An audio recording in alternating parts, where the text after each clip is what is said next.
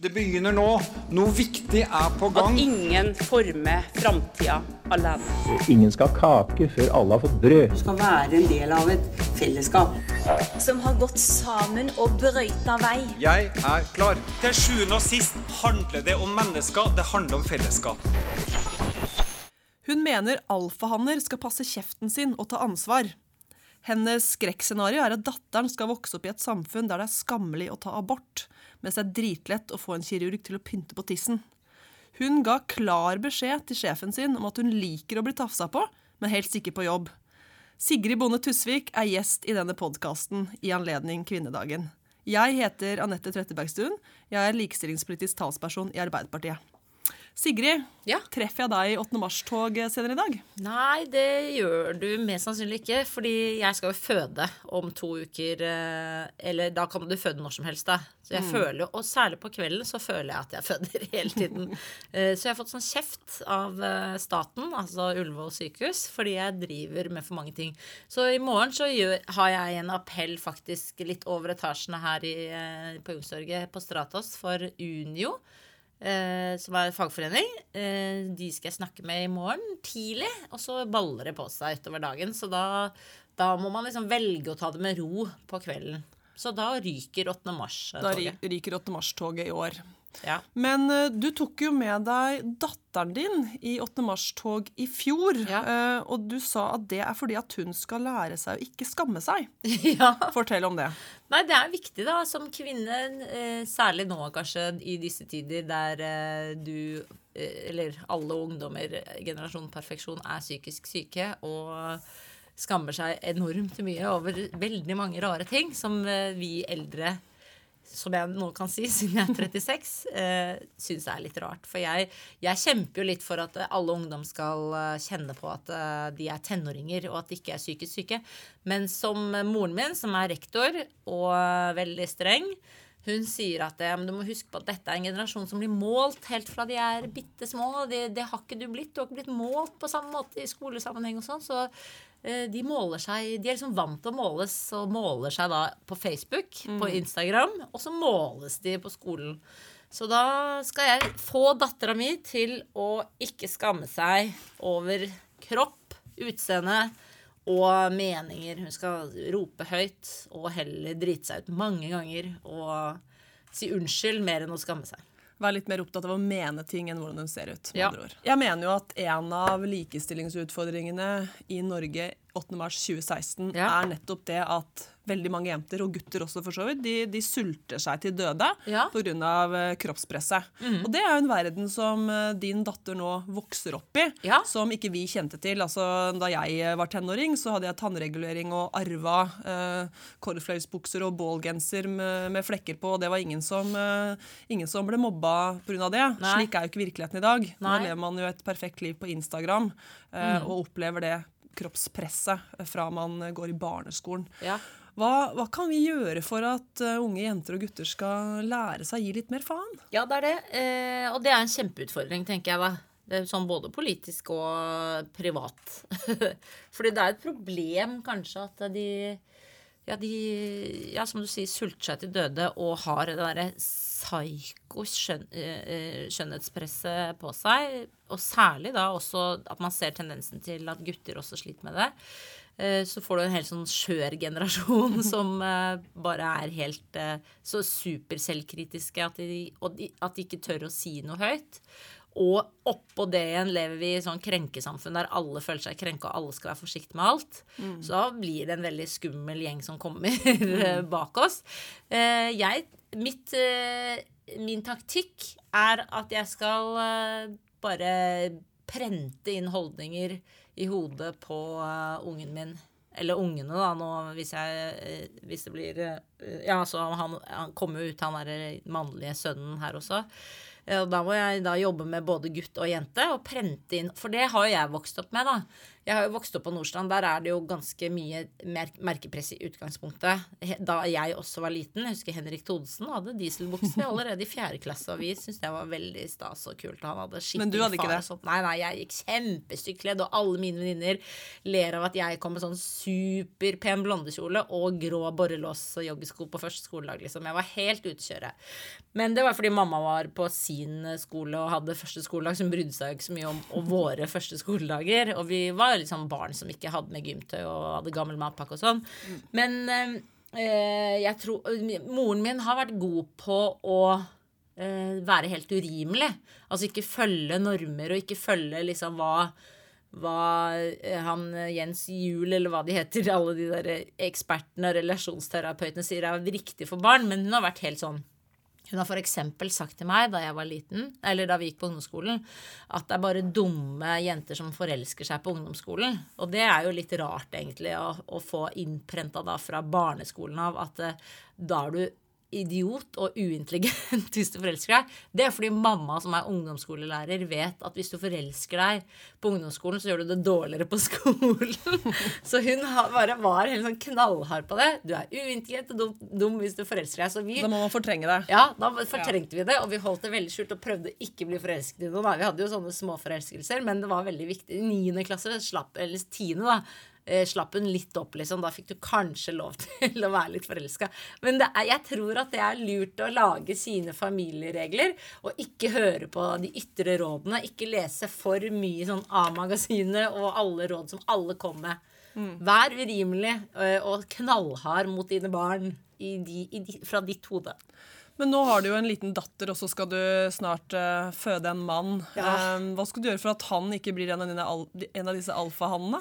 Ja, det er det. Jeg gruer meg veldig, og hele familien gruer seg. Pappa uh, var nå på uh, andre verdenskrig-stykket på Det Norske Teatret. Hadde møtt en venninne av meg som da kom nå bort til meg og sa hun, Jeg møtte faren din, og han sa 'Hva skal vi gjøre? Vi skal så nå, nå få et mannlig barnebarn, og vi har ikke noe erfaring med dette.' Han var helt livredd, hun sa sånn 'Jeg tror det kommer til å gå bra, siden dere er så Dere gruer dere så mye'. Men det er Vi må holde han uh, nede, holdt jeg på å si. Vi må ikke holde han nede, men uh, vi må holde han fin. Og han må eh, ja, du blir jo kanskje ofte litt holdt litt ned hvis du har storesøster. Hvis du har sterk storesøster, ja. så blir du kanskje litt sånn svak lillebror, men det gjør ikke noe. Så jeg skal holde han eh, i tøyla, så skal han respektere eh, Altså likestilling, da. Det er jo det det handler om. Det handler ikke om å bare respektere kvinner, men det handler om å bare være et ordentlig menneske. Og det er jo de fineste guttene man møter gjennom livet. De der snille, fine guttene. Det er jo de man husker. Det er et veldig godt tips til alle gutter som hører på. Ja. Men man må jo begynne tidlig uh, for å lære bort de riktige holdningene. Og Et av problemene i dag er jo at eh, gutter og jenter eh, møter forventninger til hva de skal være, helt fra de er født. Fra foreldre og folk rundt seg, kanskje ubevisst. Um, og Et av de tiltakene Arbeiderpartiet mener at vi eh, må innføre, er jo mer likestillingsarbeid i barnehagen. Fordi at når jentene og guttene blir levert i barnehagen, så får jentene høre hvor utrolig fine kjoler de har på seg, og guttene får høre hvor utrolig kul dinosaurer de har med. Og sånn så, så læres man jo opp til uh, hva slags sett med verdier som, som tilhører kjønnet. da. Uh, og det å være mer bevisst på det som barnehageansatt og ha, ha det med seg eh, i barnehagehverdagen, tror vi er ett riktig tiltak. Hva tenker du om det? Jo, der er jeg helt enig. Det er jo eh, Altså, jeg har jo, jeg går, jeg har jo barnet mitt uh, i privat barnehage, Canvas barnehage. Uh, og de har egen likestillingsansatt som bare jobber med likestilling i barnehagen. Og da blir jo vi helt Jeg er så rørt av det og syns det er veldig trist at det egentlig er en privat barnehage, da, for jeg vil at den skal være offentlig, at jeg kunne skrytt av det. Men uh, det er, det er altså Når vi satt på det der foreldremøtet og hørte det, da tenkte jeg sånn dette er helt, Tenk at det har kommet nå. At de har en egen som bare fokuserer på likestilling. Og da det mennesket holder da hele tiden på med å se på leken mellom gutter og jenter. For gutter kan jo overta veldig leken eh, til jenter og overkjøre de. Og så kan jenter lage grupperinger og fryse ut. Ikke sant? Så det, det er begge kjønn som får kjørt seg, eh, og som blir observert av likestillingsansvarlig i denne barnehagen. Og det syns jeg er så viktig, og det er veldig Det kan jo alle barnehager gjøre. Du kan jo på en måte alltid ansette en som er opptatt av likestilling. Du, jeg vet ikke om man må ha en eh, utdanning innen det, men eh, bare det å ha en som er ansvarlig, som hele tiden er observatør og er obs på dette, gjør jo at eh, Men sånn sett så vil jeg bare rose eh, særlig da Arbeiderpartiet og eh, forrige regjering, da. For jeg tror at i hvert fall komikermessig så ser du at det er en ny generasjon.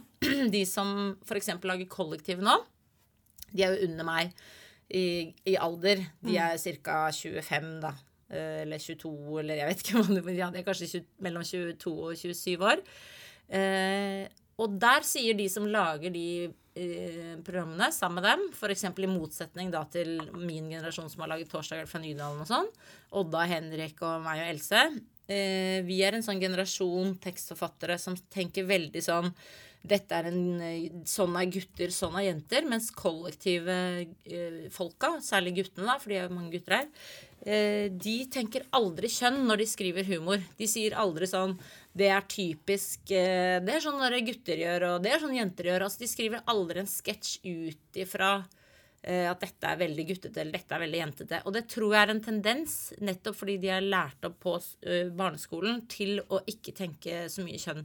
Og det regner jeg med at det er Arbeiderpartiet og, Ja, det er nok Arbeiderpartiets fortjeneste, det. og smykkene til Liv Signe Navarsete som var Nå har vi jo ikke sant, vi er 2016, eh, og vi er et av verdens mest likestilte land. Men samtidig så vet vi at vi har store likestillingsutfordringer her hjemme. Eh, Det at eh, gravide jenter eh, mister jobben fordi de er gravide, eller Mm. at fedre opplever ikke få lov til å ta ut så mye pappaperm de ønsker, eller at jenter og gutter sulter seg til døde, Mm. eller at jenter med minoritetsbakgrunn ikke får lov til å delta på fellesskapsarenaer som i svømmehallen eller fritidsklubben fordi at noen andre voksne mener at det ikke sømmer seg. Det er noen eksempler på utfordringer i dag. Eh, og politikken har jo opp gjennom tidene sånn sakte, men sikkert gjort at vi har kommet langt. Og nå har vi da en regjering som, som skritt for skritt setter likestillinga i revers ved å kutte i det som funker. Eh, kutte i pappapermen, ikke sant? Eh, øke kontantstøtten, gjøre barnehagene dyrere, og nå skal de avvikle likestillingsloven. Eh, hva syns du om det? I 2016 at vi har en regjering som går tilbake. Ja, og det er jo rart, syns jeg også. Særlig fordi det er mange kvinner i den regjeringen på en måte som burde Det er jo egentlig dumt å si at kvinner burde tenke mer over det enn menn. For alle burde tenke likt, og alle burde tenke på likestilling generelt. Men det er jo veldig rart. Jeg synes jeg, Særlig pappapermen syns jeg er helt vilt. Eh, at de har tatt eh, bort fordi, Eller altså at de har tatt ned da, i uker. Det må jo Og særlig nå når forskningen sier at eh, alle menn tar da ut færre uker. De velger ikke selv. Og det er veldig eh, naivt. Og jeg syns det også er rart at de skal kjempe så mye for det. Eh, jeg føler på en måte ikke at likestillingsloven har vært en sånn derre uff, denne må vi gjøre noe med. Eh, Burde vi gjort den til en diskrimineringslov? Altså Det er ingen som har hatt det behovet, så plutselig skal det gjøres. Eh, særlig, særlig likestillingsmessig. Jeg var på et sånn eh, likestillingsforedrag da, eller om eh, den internasjonale dagen eh, mot eh, vold mot kvinner. Og der snakket de om det hele tiden, gjentatte ganger. Alle gjorde det. Alle forskerne snakket om det. At uh, det er likestilling som løser uh, vold mot kvinner. Og vold mot kvinner må, er jo da en stor utgift i samfunnet som bare vi bruker enorme summer på. At kvinner må flykte, må bo på hemmelig adresse, Ja, det er miste mange- jobber, er sykemeldt, er Mange syke. Mange tusen kvinner lever jo i skjul i Norge pga. vold i nære relasjoner. Og, Og det, det er jo det- det mye menneskelig lidelse, og selvfølgelig også, som du sier, kostnader for samfunnet. Ja, og det er sånn sjokk da jeg tenkte sånn Herregud, tenk at det er likestillings...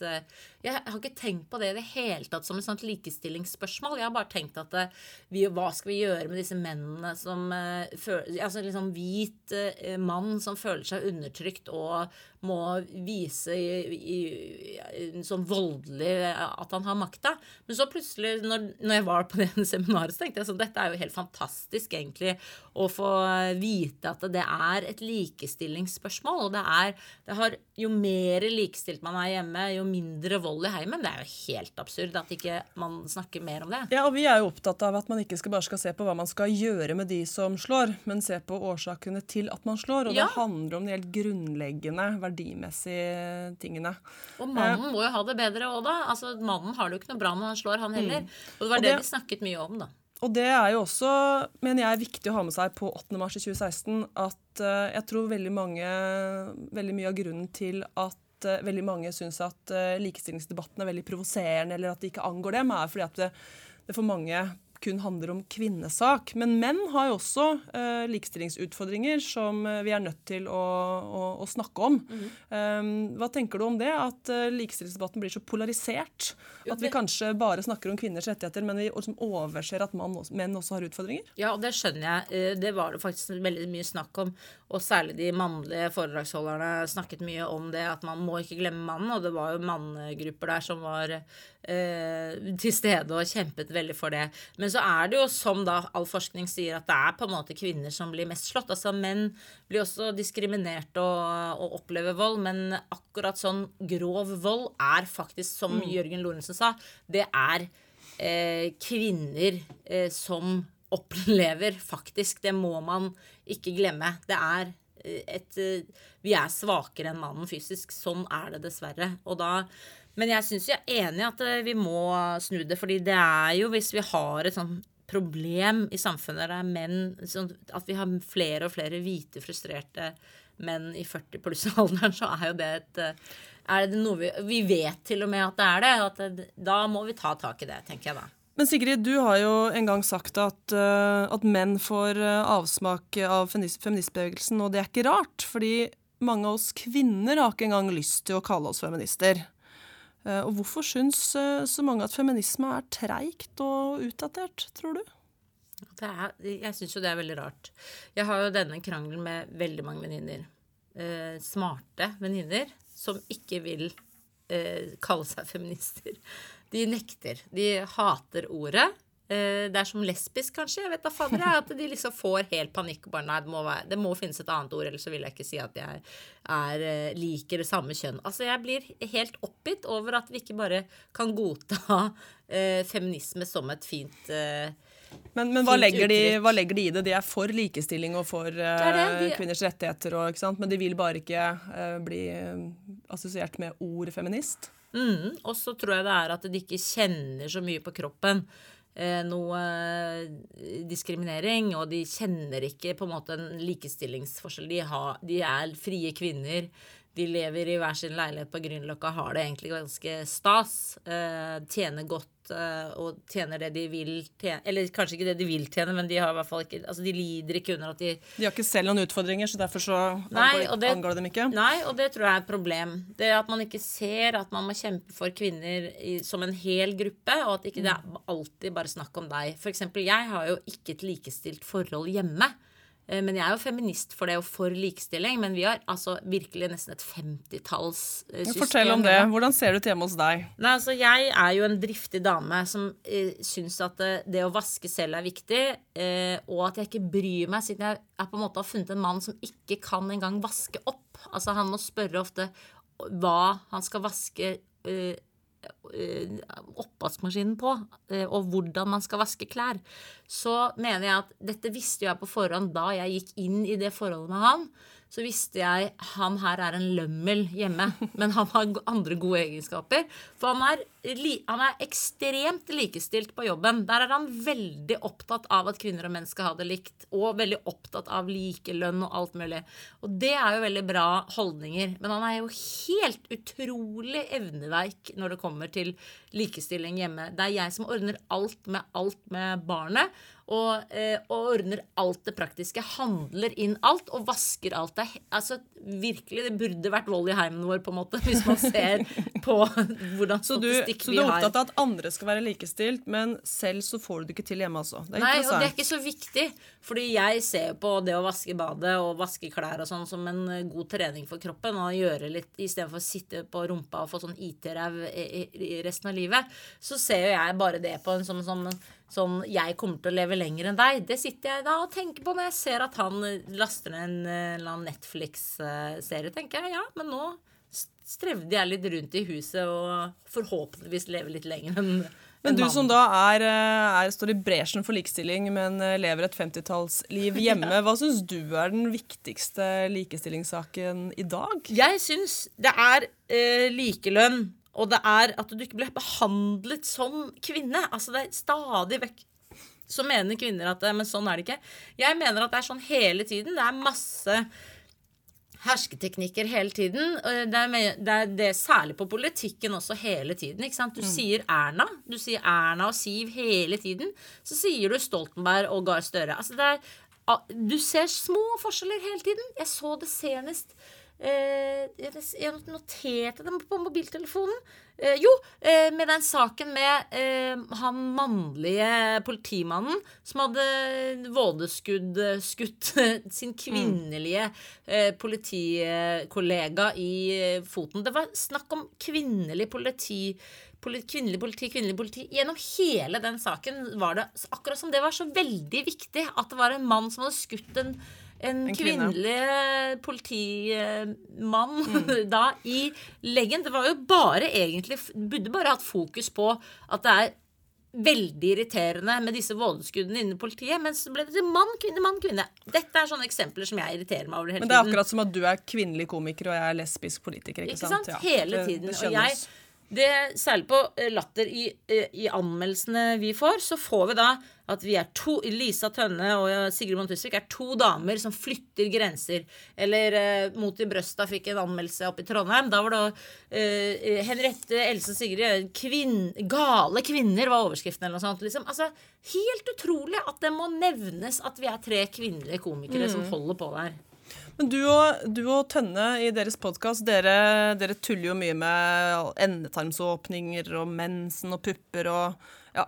Og og veldig mye pung, da. Ikke sant, og veldig mye pung. Um, og det er jo uh, den type samtale som kanskje tidligere har vært forbeholdt uh, menn. Um, får, får du andre reaksjoner på at dere prater tull enn det f.eks. Harald og Bård får?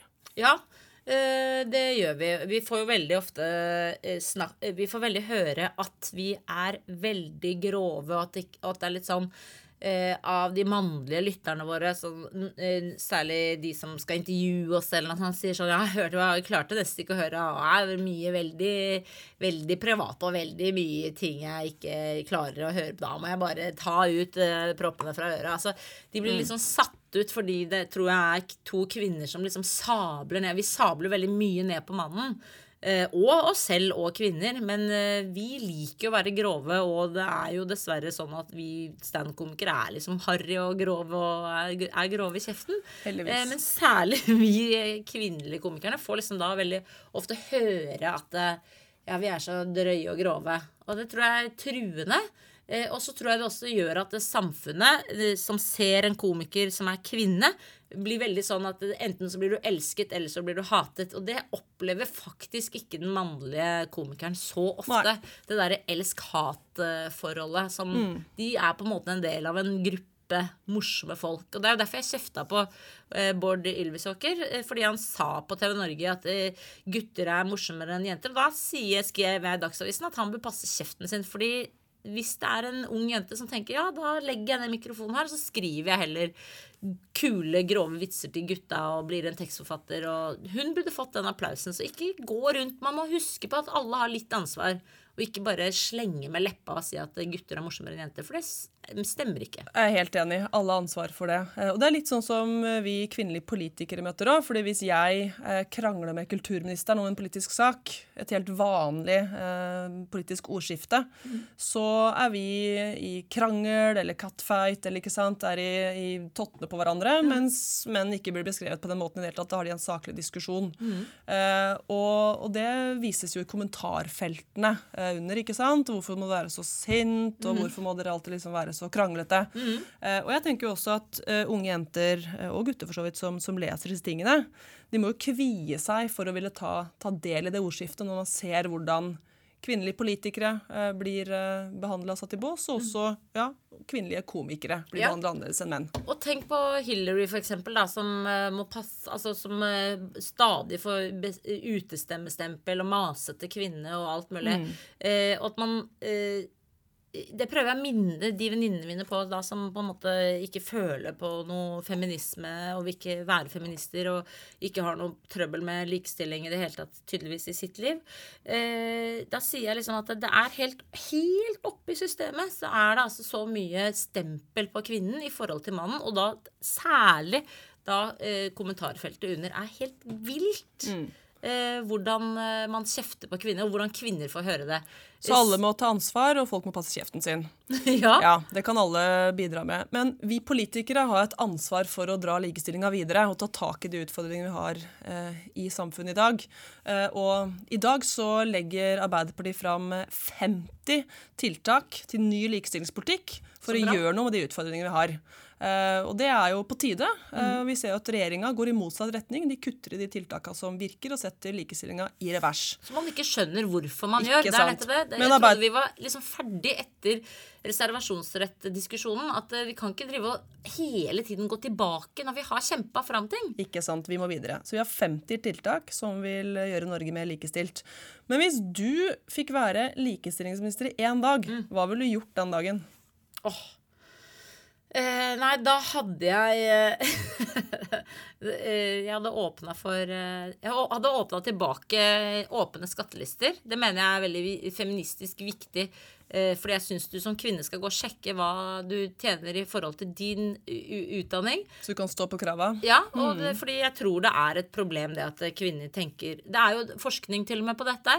At kvinner eh, tenker dårligere om seg selv. ikke sant? Spør du en mann hvor langt han kan kaste en ball, så vil han si liksom 600 meter. Han overdriver hele tiden. Han tror han er god i matte. Han er, vi kvinner er like gode i matte, men mannen tror faktisk inni hodet sitt er det bevist nå forskningsmessig at han er bedre i matte. Det er jo ikke så Alle sånne ting. Så jeg hadde eh, Åpna skattelistene. Ja. åpna skattelistene. Og så spist lunsj, men hva etterpå, da? Ja, ikke sant. Så etterpå så hadde jeg eh, Ja, jeg hadde jo innført eh, pappapermen igjen eh, akkurat eh, flere uker enn 14 uker. Jeg hadde kjørt 20 uker inn. Jeg har jo en mann Der er vi helt likestilte hjemme, faktisk. Han har fem måneder, og jeg har fem måneder. Vi deler det helt likt. Det er viktig. Og det er jo eh, viktig også for barnet. At du har et barn da som har ligget oppå brystkassa til faren sin i fem måneder og gurglet og kosa seg. Og det er så vakkert å se barn som eh, har vært like mye sammen med far hjemme eh, fra de der første månedene som med mor. Og der må kvinner slippe opp også. ikke sant? Det er ikke sånn at du må eie din perm fordi du har vært gravid og du har båret fram dette barnet, hvis ikke du har noe trøbbel og helsemessige nettopp, nettopp derfor så er det jo så viktig med den pappakvoten. Fordi at mange fedre opplever at eh, både mødrene, men også arbeidsgiverne ikke lar de få ta den pappapermen de ønsker å ta ut. Så det er bra. Du ville innført pappakvoten igjen. Ja, og at en likere fordeling av alle burde få full lønn i, eh, i permisjon, da. Eh, fra jobbene sine. Mm. Både pappaene og kvinnene. Eh, Det tror jeg løser veldig mye. Og pluss at jeg syns man skal innføre Det skal, skulle jeg gjerne gjort som likestillingsminister. Innført at alle mannlige sjefer som tror de er uerstattelige liksom, Jeg syns det er så rart det der at eh, menn eh, som har høye stillinger, mener at de eh, ikke kan erstattes. Altså, de kan også være fem måneder borte, eller å gi den plassen sin til en kvinne som alltid da får høre du har ikke erfaring nok, derfor får du ikke denne stillingen. Mm. Da, hvis alle sirkulerer litt og tar de permisjonene eller er ute og tar de pausene, så tror jeg vi hadde fått et mer likestilt samfunn. Og til det trenger vi politikken. Ja, vi Men du, det! nå skal jo ikke du gå i 8. mars-tog i dag. Nei, men hvis du skulle gå i 8. mars-tog eh, i dag, og du fikk lage din egen parole, hva skulle det stått der? Uh, nei, da tror jeg jeg hadde sagt uh, alle mann, alles ansvar.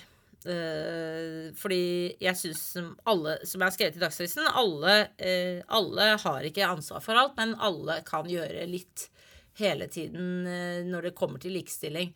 Altså Politiet skal, må skjønne at de har en gubbekultur når de ringer kvinnelige søkere og ber de trekke søknadene.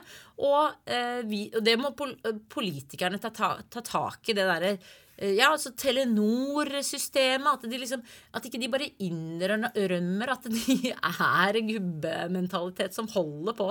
Helt usaklige. De argumenterer så komisk at det er, det, er for dumt å snakke om på et standup-show, til og med, for du tenker at det ikke er sant. Du tenker, og og, og du, det høres for komisk ut med å motarbeide og ljuge inn i politisk system og si sånn Vi spurte alle kvinner, vi. Det er veldig rart. Og så er det det å eh, kjempe for at kvinner, kvinner må slutte å få så mye netthat og så mye Altså, du, du blir skremt så til taushet så mye, så mange steder, og det er dessverre kommentarfeltene og spesielt mange mannlige menn som kjører på. Og det må samfunnet Samfunnet må få en holdningsendring på det der å kjefte på kvinner på en helt annen måte enn det de gjør på menn. Ok, så er vi mer provoserende mennesker. Selv Grace Anatomy tok opp dette! Så, hør, så du den episoden? Der hun, legen, hun er i Grace, tar opp og sier at eh, kvinnestemmer Menn vil overkjøre kvinnestemmer. Anatomisk får de lyst til å gjøre det, fordi de hører ikke oss. De bare snakker over oss. For kroppen deres hører oss ikke. Men Sigrid, eh, hvis du måtte velge, og du må velge, yeah. ville du enten tatt på deg og holdt likestillingskurs for Odins soldater, eller ville du holdt appell på 8. mars naken? Det er sånn cirka like ille. Ja, altså jeg vet med meg selv at jeg hadde sett på det å holde likestillingskurs for Odins soldater som så mye lettere enn Jeg hadde grudd meg altså så mye mer til å holde appell 8. mars i utgangspunktet, og i tillegg da naken. Men det gjør ikke så mye at du var naken, nei. Det er ikke det som er det Nei, for jeg er jo født på TV, så jeg er jo i niende måned nå. Så da føler man seg jo Jeg har jo ikke sett eh, min egen tiss på mange måneder, så jeg eh, føler meg ikke så Altså, når du er gravid, så er du på en måte bare gravid i utgangspunktet. Ikke Så så, Odins soldater det ville egentlig vært lett match i Tenk at det er det forhold. letteste. Ja, så Det er jo helt forferdelig at jeg velger Odins soldater. Men, Nei, men du, Vi ringer deg når vi har fått en avtale med deg, så regner vi at det blir en ordnings på det. Men da kan jeg stille litt sånn samme pest eller kolera til deg. Ehm, uh, vil du en hel sommer være på FPUs sommerleir? Du får ikke lov til å holde appeller sånn, du må bare være en del av dem. Gå på fylla eller hva det er, og synge Frp-sanger hvis de har en Frp-sang. Eller ja, vi har jo han eh, Ingebrigtsen som synger sikkert fast. Eh, eller vil du måtte være ansvarlig i Arbeiderpartiet for sånn nedmanning i Arbeiderpartiet og måtte kalle inn Martin Kolberg og si han opp? Oi, oi, oi. Eh, Jeg tror ikke det er mulig å si opp Martin Kolberg. Jeg tror han bare ville liksom fortsatt å møtte opp allikevel. Så det er liksom en veldig vanskelig oppgave. Å være på FPU sommerleir en hel sommer, ja. Ah, fy søren. Um, nei, jeg tror, eh, jeg, tror, eh, jeg, tror, jeg tror jeg ville prøvd å si opp Martin Kolberg. For han ville uansett ikke, uansett ikke, ikke, ikke tatt det inn over seg. Så det ville vært en enklere oppgave. Ja. Tusen takk for praten, og Bare ha en fortsatt god 8. mars. I like måte. Gratulerer med dagen.